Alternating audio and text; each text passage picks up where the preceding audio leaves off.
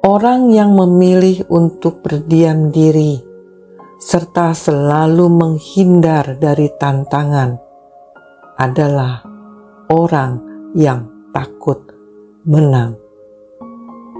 Yesaya 41 ayat 10 berkata, Janganlah takut, sebab aku menyertai engkau. Janganlah bimbang, sebab aku ini Allahmu. Aku akan meneguhkan bahkan akan menolong engkau.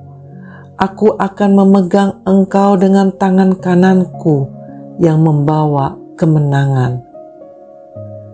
Seluruh janji firman di atas akan menjadi sia-sia belaka bila tidak direspon dengan sikap berani maju melangkah. Bukan dengan apa yang kita lihat, tapi dengan apa yang iman lihat.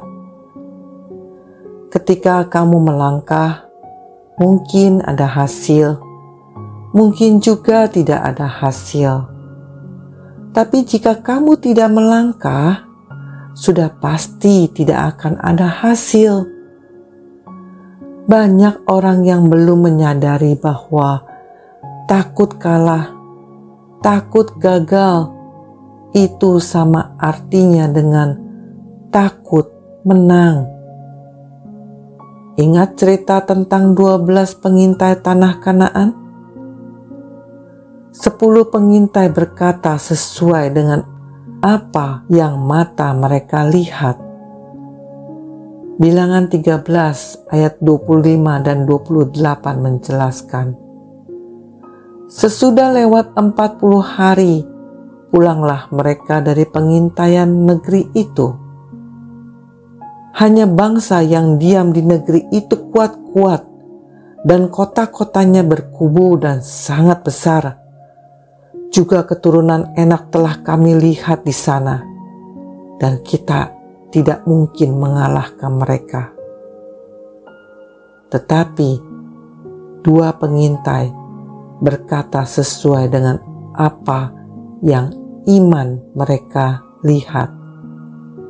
Bilangan 14 ayat 6 hingga 8 berkata, Tetapi Yosua bin Nun dan Kaleb bin Yufune yang termasuk orang-orang yang telah mengintai negeri itu, mengoyakkan pakaiannya dan berkata kepada segenap umat Israel, Negeri yang kami lalui untuk diintai itu adalah luar biasa baiknya. Jika Tuhan berkenan kepada kita, maka Ia akan membawa kita masuk ke negeri itu dan akan memberikannya kepada kita, suatu negeri yang berlimpah-limpah susu dan madunya. Lihat perbedaannya Orang yang belum apa-apa takut gagal, takut kalah, sama saja takut menang. Banyak pergumulan dan kesulitan di depan mata. Oleh sebab itu, lihatlah dengan mata iman dan percaya kalau Tuhan berkenan, maka kita pasti akan meraih kemenangan adalah penting hidup berkenan di mata Tuhan, agar kita dapat melihat segala sesuatu dari sudut pandang mata Tuhan. Amin.